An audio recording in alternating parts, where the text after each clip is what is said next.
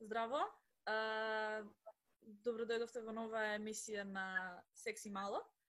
А, денес овде сме јас и Мира и ќе зборуваме за тема која што а, сметаме дека не е толку зборувана, но а, треба малку повеќе внимание да и се обрне, а тоа е гейминг и феминизмот а, и жените во гейминг сферата. Uh, ја одбравме оваа тема затоа што во последно време uh, се потврдија неколку проблеми кои што со години се некако таложат а, во оваа индустрија а, и сметаме дека треба да се да има малку поголема репрезентација на проблемите кои што а, жените ги а, кои што жените ги имаат кога станува збор за гейминг. нормално а, дека сите знаеме дека оваа индустрија и оваа сфера е позната како а, машка и се правеа неколку анкети кои што докажаа дека а, во индустријата на игрите, односно развојот на видеоигрите, а, поголем дел од вработените се машки.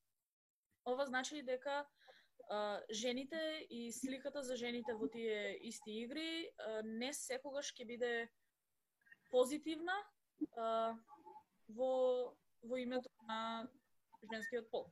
Во смисла на многу често а, игрите се креирани како а, машка фантазија, а, жените се напаѓани или пак тие се само некои а, позадински лик или како што би рекле украс во а, украс во играта. А, нормално секогаш се стремиме кон а, некаква рамнотежа во половите, особено во индустрии кои имаат големо влијание врз тоа како луѓето го гледаат светот. А, и сакавме малку повеќе да а, зборуваме за тоа како оваа индустрија влијае врз жените, особено затоа што е позната како а, машко доминирана индустрија. Мира? Mm, па, сакам да се надоврзам бачка во што кажа Нати, дека е позната како машка индустрија, бидејќи уште од многу мали, дури и кога ќе се види како се поделуваат а, играчките на машки и на женски, многу често а, мажите се како, или машките, а, им е дадено да играат игри и повеќе е на тоа дека машките ги играат игрите кои што се за на компјутери, отколку женските.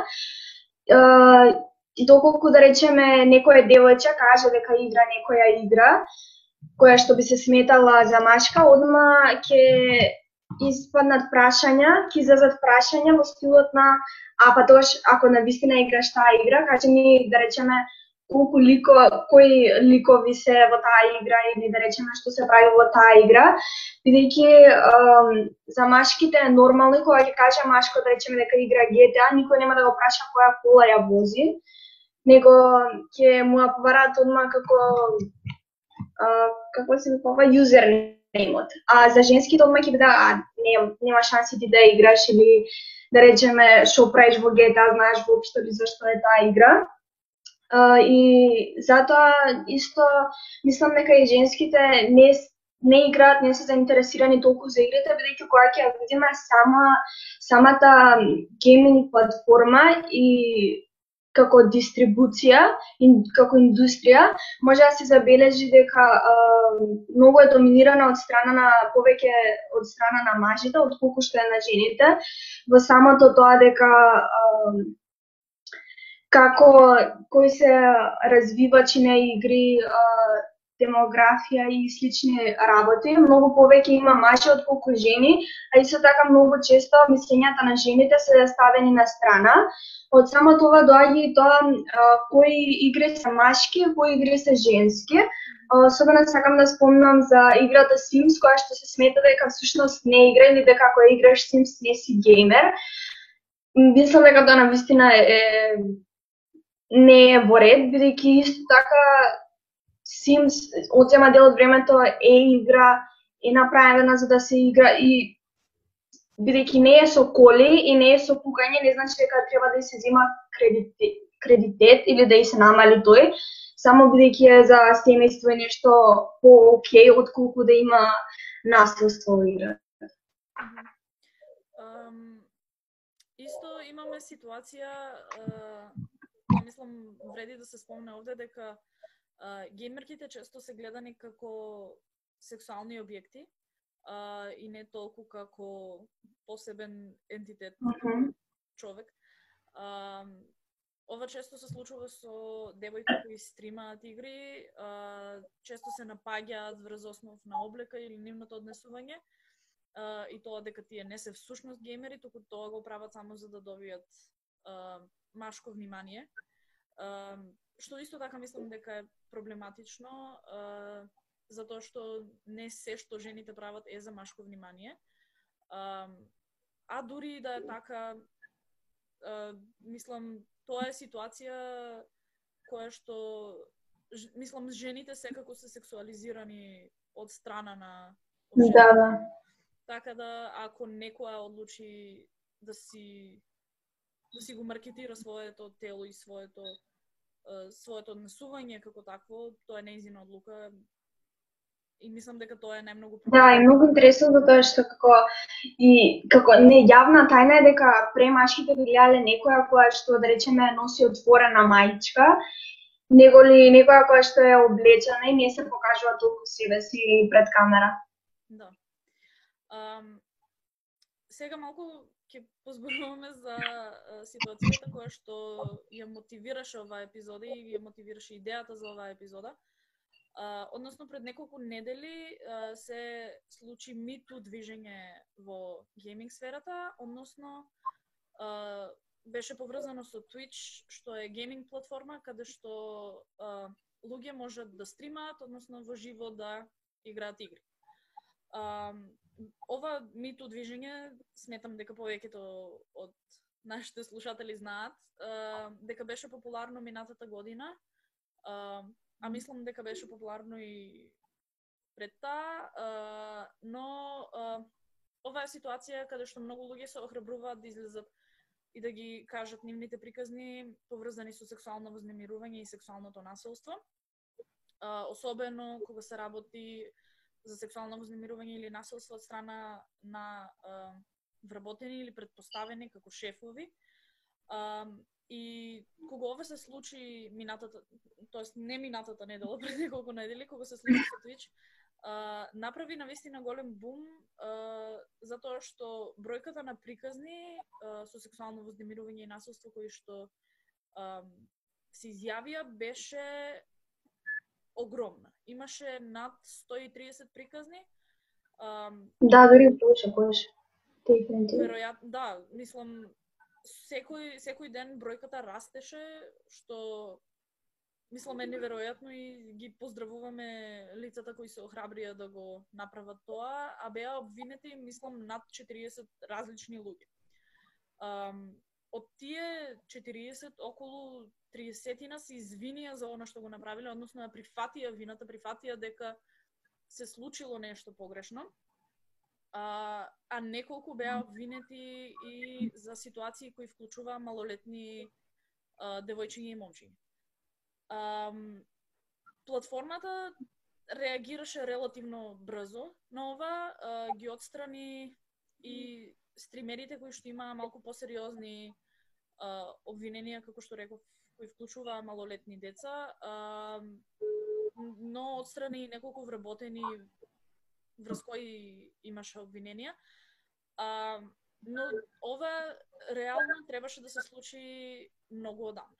Првите вакви приказни излегоа околу февруари, а, некои дури минатата година околу ноември и декември беа обвинети вработени во Twitch, други стримери и ништо не се случи, ништо не се превзема, туку само се некако протна под кил. Ова, мислам, реално ова не беше изненадувачко. Пак ќе спомнам мажите, мажите во гейминг индустријата и посебно на оваа платформа имаат огромна моќ не, не само физичка, туку и а, општо моќ врз луѓето, особено децата кои ги следат. А, ама овде ќе оставам простор на Мира да зборува малку повеќе за реакцијата кон овие обвиненија. А, мислам дека во поголемиот дел имаше добра реакција. А, како една од најдобрите би ја спомнала таа на Нинджа, кој што објави видео на Твитер, каде што ги поддржува сите геймерки и стримерки на Twitch и а, мислам дека доби повеќе милиони views и си, тоа беше најдобро, како најдобро си го кажа своето мислење и дури мислам дека unfollow на неколку стримери кои што беа вмешани и беа обвинети, Да. има allegations против нив, а од друга страна па некој што воопшто не постапи како што треба, би го спомнала Ким Стар, кој што има преголем преголем број на следачи и неговите коментари на вистина не беа на место. Од тоа дека што барала таму или што правела, особено имаше направено едно видео за девојка која што не се чувствувала удобно со некој човек како ја допирал или некој од гимерите како ја допирал и почна да ја да ја напаѓа девојката. Мислам дека овде е многу битно да се спомне дека жртвата никогаш не е виновна и ми се допаѓа тоа што а, видов некои главни, мислам не некои главни, некои некои славни јутубери кои што исто така имаат голем број на следачи, во коментарите а, се обидоа да му објасна ситуацијата и да му кажа дека не е во ред, бидејќи на вистина не е добро да се доаѓа со тој, со тој менталитет дека жртвата е крива или дека таа направила нешто да го побуди или да го а, натера другиот да ја нападне неизе. А, и мислам дека затоа е добро да се едуцираме, бидејќи потоа излегуваат а, некои работи вака како Кимстар, што се случи и неговите други следачи мислам дека ги нападна некои од девојците што воопшто не беше во ред.